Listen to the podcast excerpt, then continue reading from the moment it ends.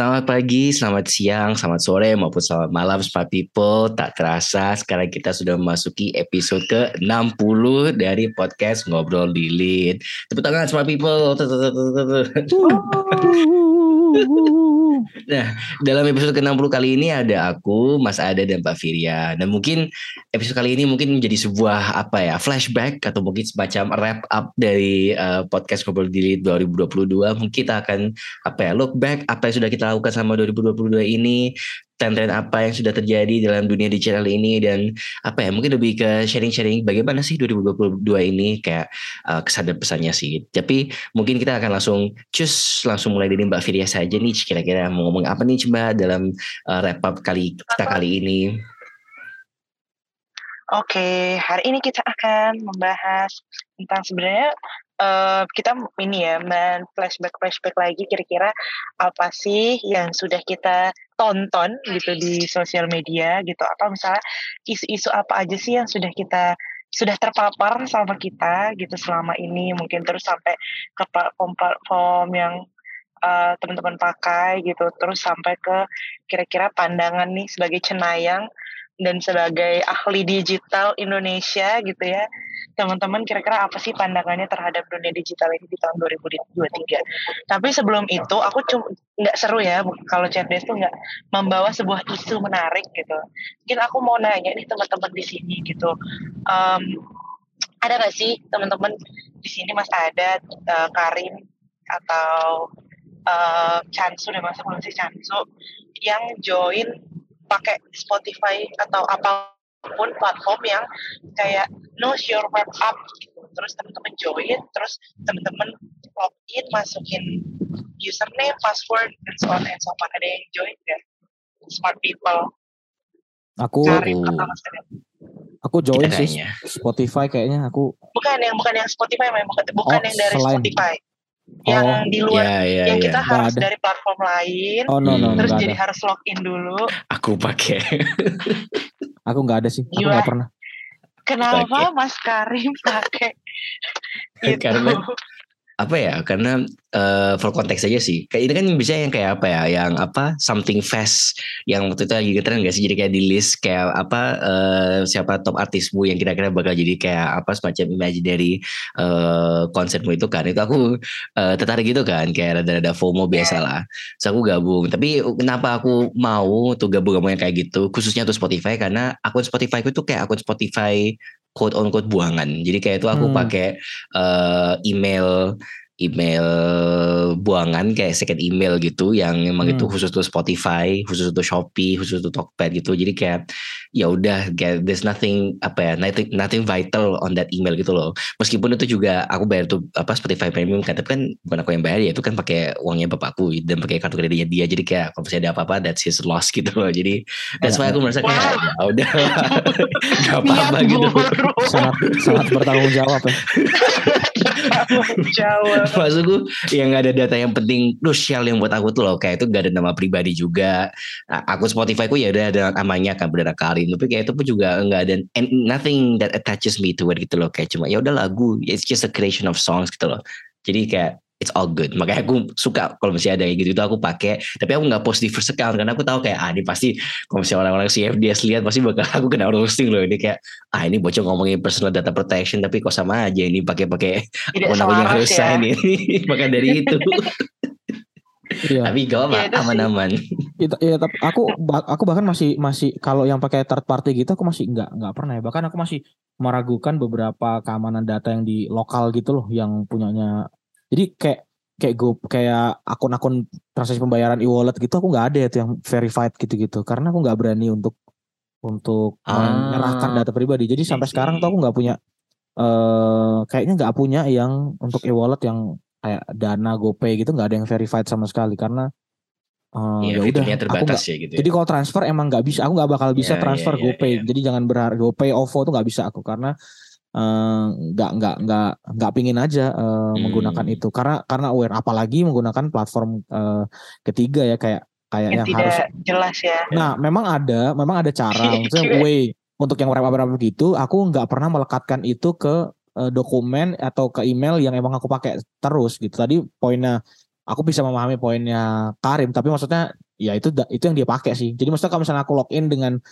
uh, misalnya mau mencari info atau menggunakan platform ketiga aku pasti pakai email yang itu bukan ada identitasku. Jadi kayak email yang ya aku punya email banyak yang gak kepake terus aku pakai buat itu gitu untuk ngecek. Misalnya kayak personalities yang kayak gitu gitu tuh. Kan dulu ada kan yang kayak tes apa segala macam gitu. Jadi pakai yang itu.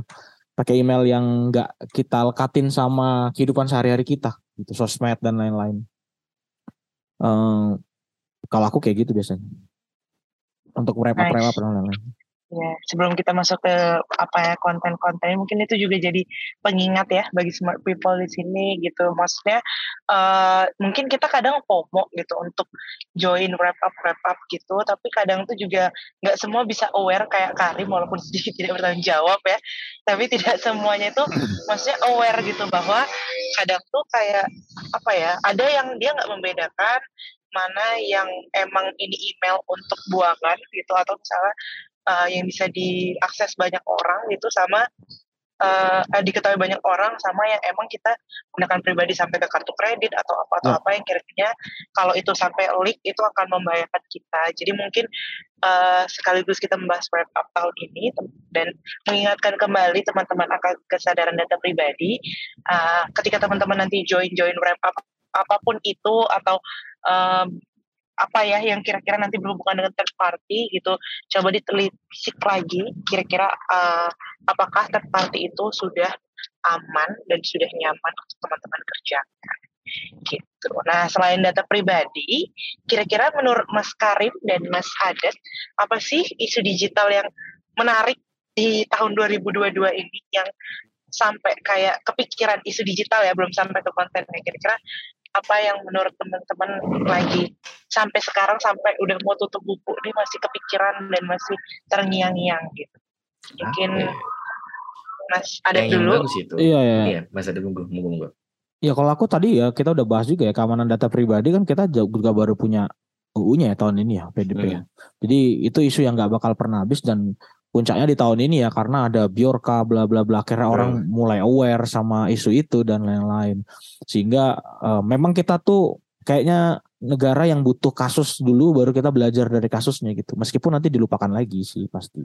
Cuma hmm. uh, itu menjadi penanda menjadi titik bahwa kayaknya Biorka ini bisa menjadi salah satu pemicu bahwa orang tuh jadi aware sama bahwa kita tuh punya persoalan ini loh. Penipuan digital tuh persoalannya karena ini juga loh gitu. Dan uh, kalau teman-teman lihat beberapa konten-konten di TikTok, beberapa konten di Reels itu kan banyak nunjukin kayak ketidakmapanan orang misalnya menerima proses COD dan lain-lain yang kayak gitu gitu lah. Proses-proses soal bagaimana kita bertransaksi tidak aman, bagaimana kita bertransaksi tidak bertanggung jawab.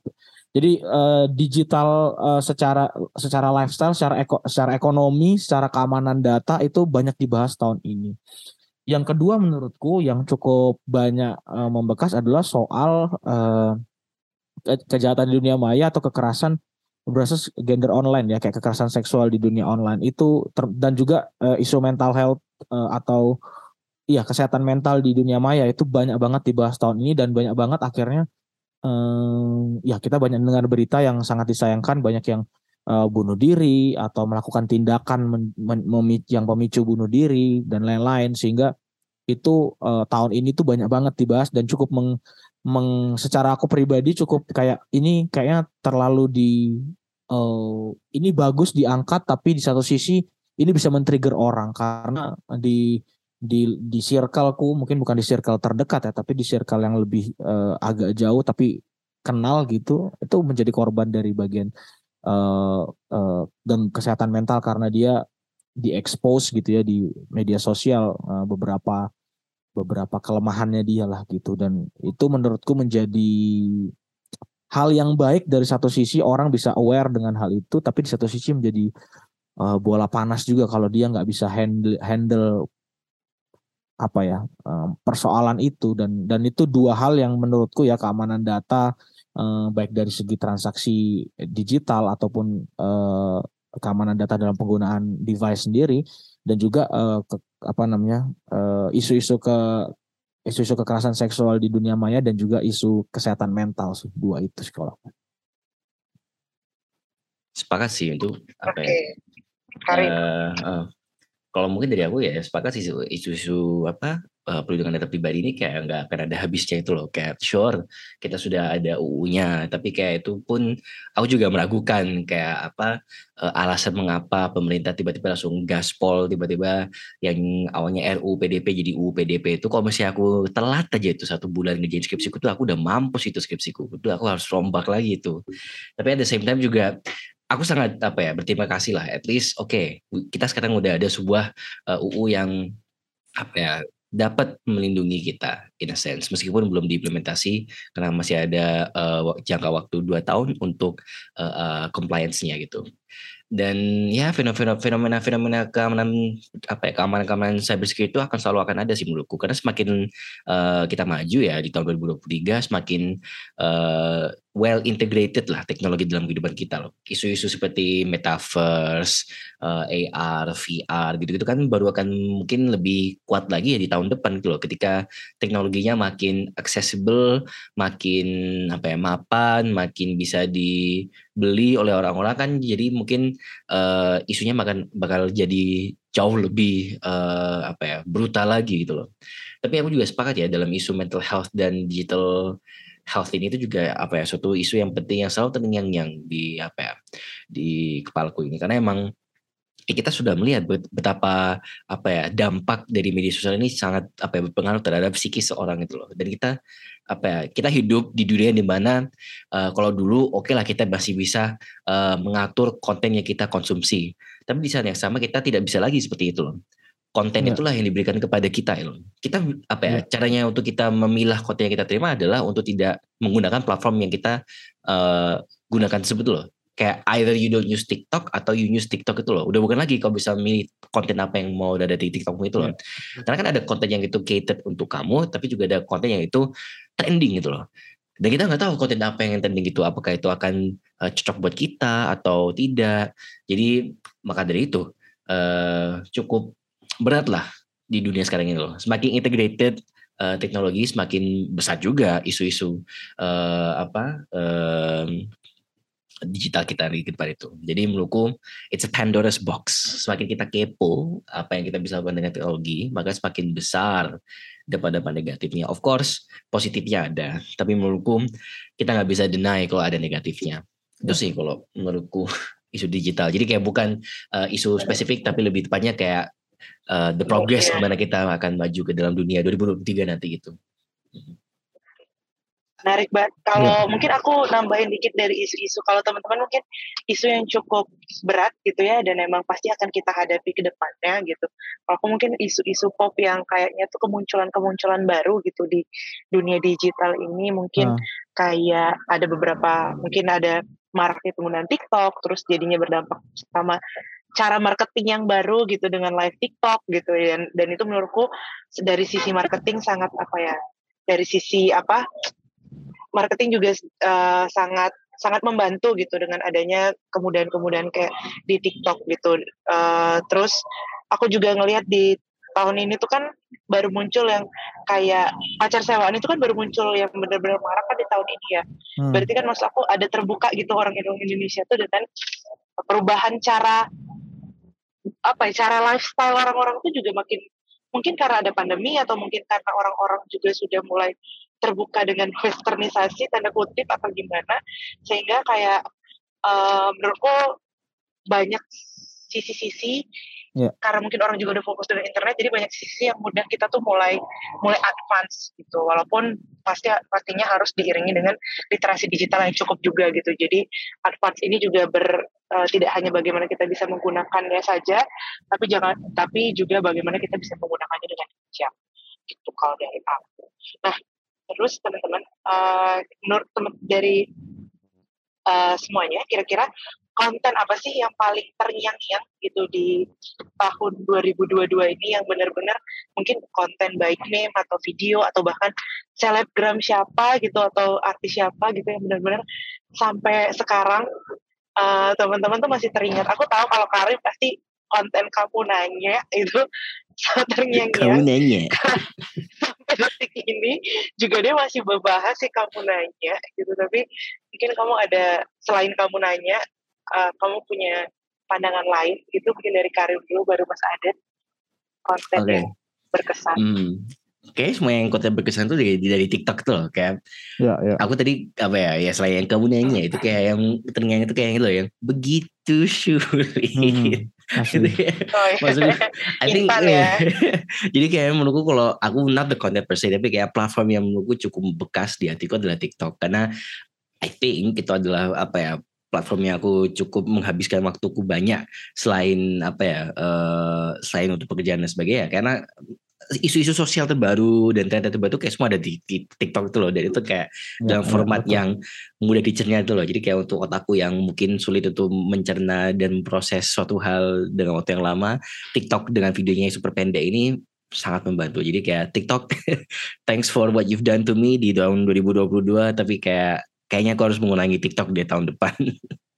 Iya, Di iya. Mas Adat apa nih Mas? Konten atau Kalau aku konten platform? tuh aku iya bener ya. Itu karena tuh kamu nanya itu karena dia memang kayaknya menjadi penutup ya Iya, iya, 2020. bener-bener. Jadi paling banyak dikenang. Tapi sebenarnya tahun ini tuh banyak banget. Kalau Banyak aku banget, lihat ah. dari dari konten ya kayak yang paling achieve kan menurutku yang Ojo dibanding ke itu karena dia diundang Ya, betul. sampai diundang presiden tuh. Misalnya itu next level sih. Itu menurutku sampai capek lah kita dengerin lagu itu ya dibawain di mana-mana dan jadi memang bagus suaranya memang bagus tapi sebagai konten itu kayak itu diulang-ulang terus dan dan memang mem- membuat sampai wah eh, inilah ke mana-mana gitu. Nah tapi fenomena yang menarik menurutku adalah yang yang itu loh yang fashion Citayam itu itu itu menurutku kita bisa melihat secara langsung bagaimana popularitas itu bisa muncul dan hilang dalam sekejap tuh. Nah itu menurutku kalau mau diambil poin poin eh, apa yang bisa hikmahnya gitu. Itu menurutku menurutku yang paling menarik di tahun ini itu justru. Yang kayak si JJ siapalah itu yang yang ikut catwalk catwalk di fashion week fashion show itu. Itu menurutku konten-konten yang eh, bisa diambil nilainya bahwa ya sosial media tuh itu banget itu di konten itu gitu. Kalau yang lainnya mungkin sampai sekarang masih kita kenang, masih kita popularitaskan. Tapi pik- ketika itu kan mereka jadi kaya, tiba-tiba mereka jadi hilang gitu. Jadi the power of social media sekaligus ya kamu bisa hilang juga dari sosial media karena apa yang kamu buat gitu. Ya karena kayaknya tuh ya apa ya udah kayak FMCG gitu ya fast moving consumer goods gitu. Ya apa yang betul. ada di TikTok tuh bukan ada di kayak Kak Jill gitu. Aku juga salah satu konten yang cukup terkenang gitu ya Kak Jill 10 gelombang kanan dan 10 gelombang kiri. Hmm, iya. itu kan benar-benar sampai fenomenal itu gitu loh dia juga sampai uh, terkenal diundang di televisi Hmm, sampai assalamualaikum papi gitu terus bunda Korla dan marah-marahnya gitu. Bunda Korla betul. betul. Jadi kayak banyak banget sebenarnya di tahun 2022 ini yang muncul gitu ya artis-artis baru yang ada di TikTok ya mungkin karena kayak yang Karin bilang uh, kontennya sangat mudah diakses gitu sehingga Hmm, orang-orang juga dan banyak juga penontonnya jadi kayak terkenalnya juga gampang dan redupnya juga gampang gitu jadi uh, Ya, mungkin ya, ini ya. juga apa ya uh, berpengaruh juga karena ini kan cepat banget ya perputaran konten moderasi konten yang ada di TikTok gitu jadi di di mana pun di sosial media sehingga uh, ketika ada konten baru ya konten-konten lama yang dia nggak udah nggak lucu lagi gitu atau udah kayak gitu-gitu aja mudah banget tergantikan tapi ya sih setuju kayaknya 2022 ini banyak banget ya konten-konten Iya. bombastis yang banyak banyak dan memang banyak juga melekat di lagu-lagu ya jadi banyak kita terkenangnya tuh karena lagu TikTok tuh kan powernya juga Iya, karena benar-benar. lagu yang di remix lagu yang nggak terkenal tiba-tiba dia bikin terkenal lagu jadul. lagu jadul dan lain-lain. Menurutku ah, musisi kayaknya banyak berterima kasih juga sama TikTok karena akhirnya mereka bisa populer karena satu lagu aja gitu. Yang emang itu aja yang mereka yang lagi viral gitu. Kalau udah ditambah gerakan ya. Coba cek deh yang populer di yang populer di TikTok lagunya itu pasti trending di Spotify. Itu udah hampir pasti. bener even itu lagu lama itu lagu dangdut jadi benar-benar dan mungkin jadi gini ya lag- orang kan apa eh jadi tahu banyak genre lagu juga gitu loh dari TikTok Betul. karena kayak musiknya tuh random banget gitu loh kadang ada musik daerah lah musik R&B atau musik eh, Malaysia musik luar negeri gitu gitu kan jadi iya, iya. menurutku eh, apa ya dia juga cukup kalau kita mengambil manfaatnya dan faedahnya juga cukup ya. Tapi melihat dari tren-tren yang sekarang nih, Ya.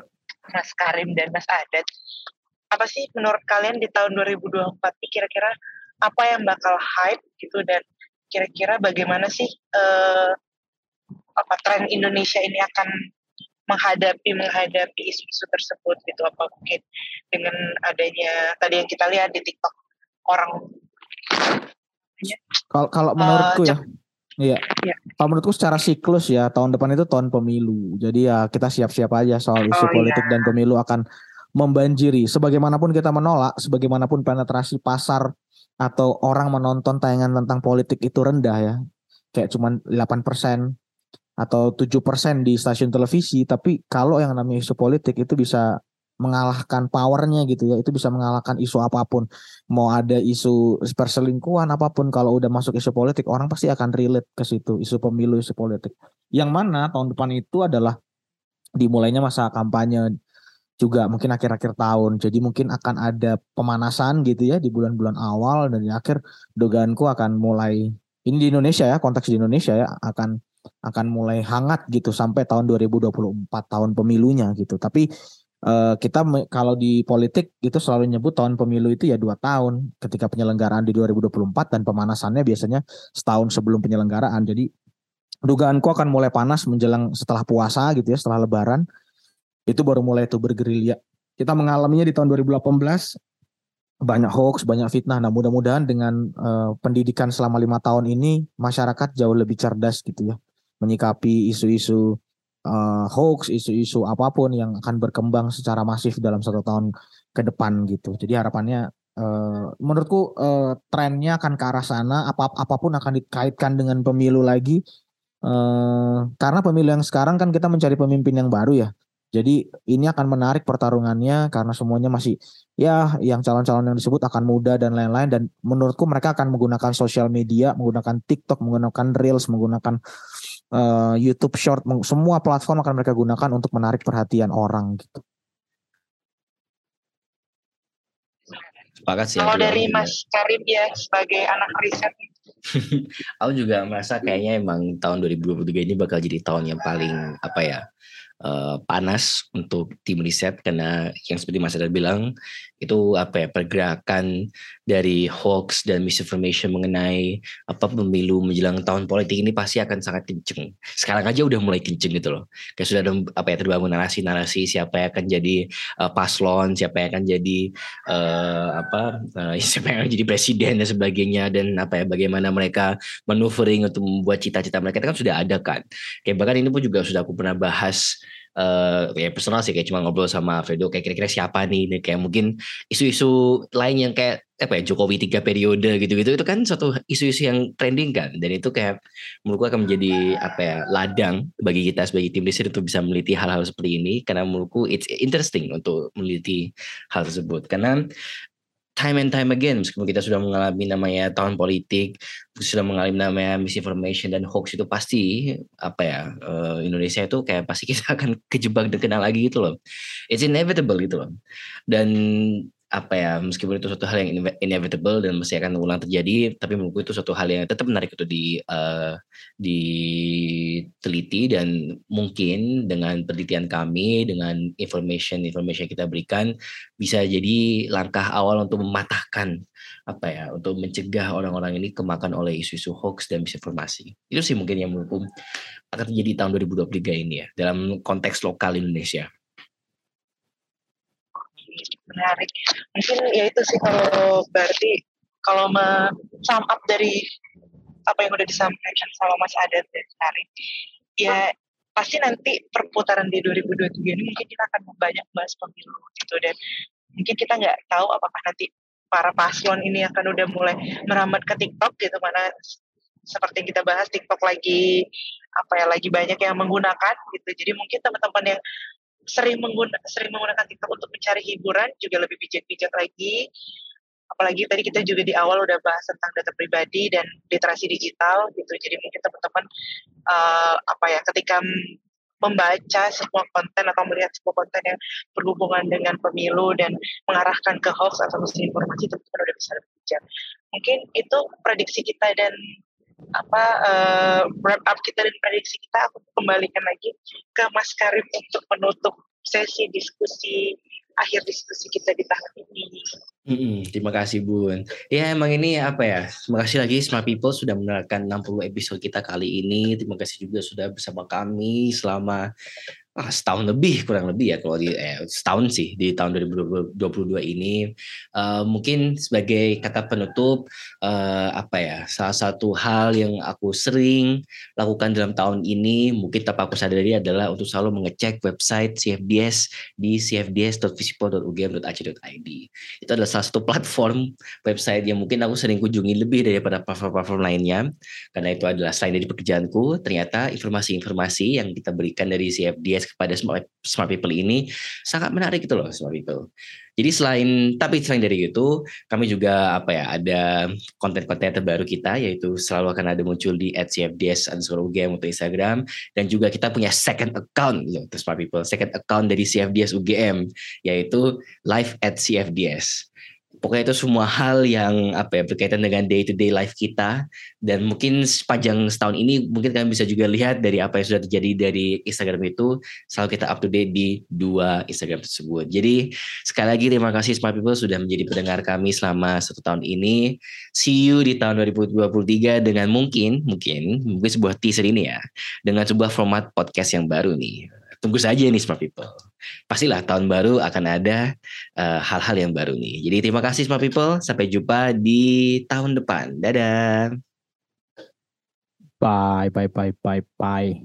Bye, bye.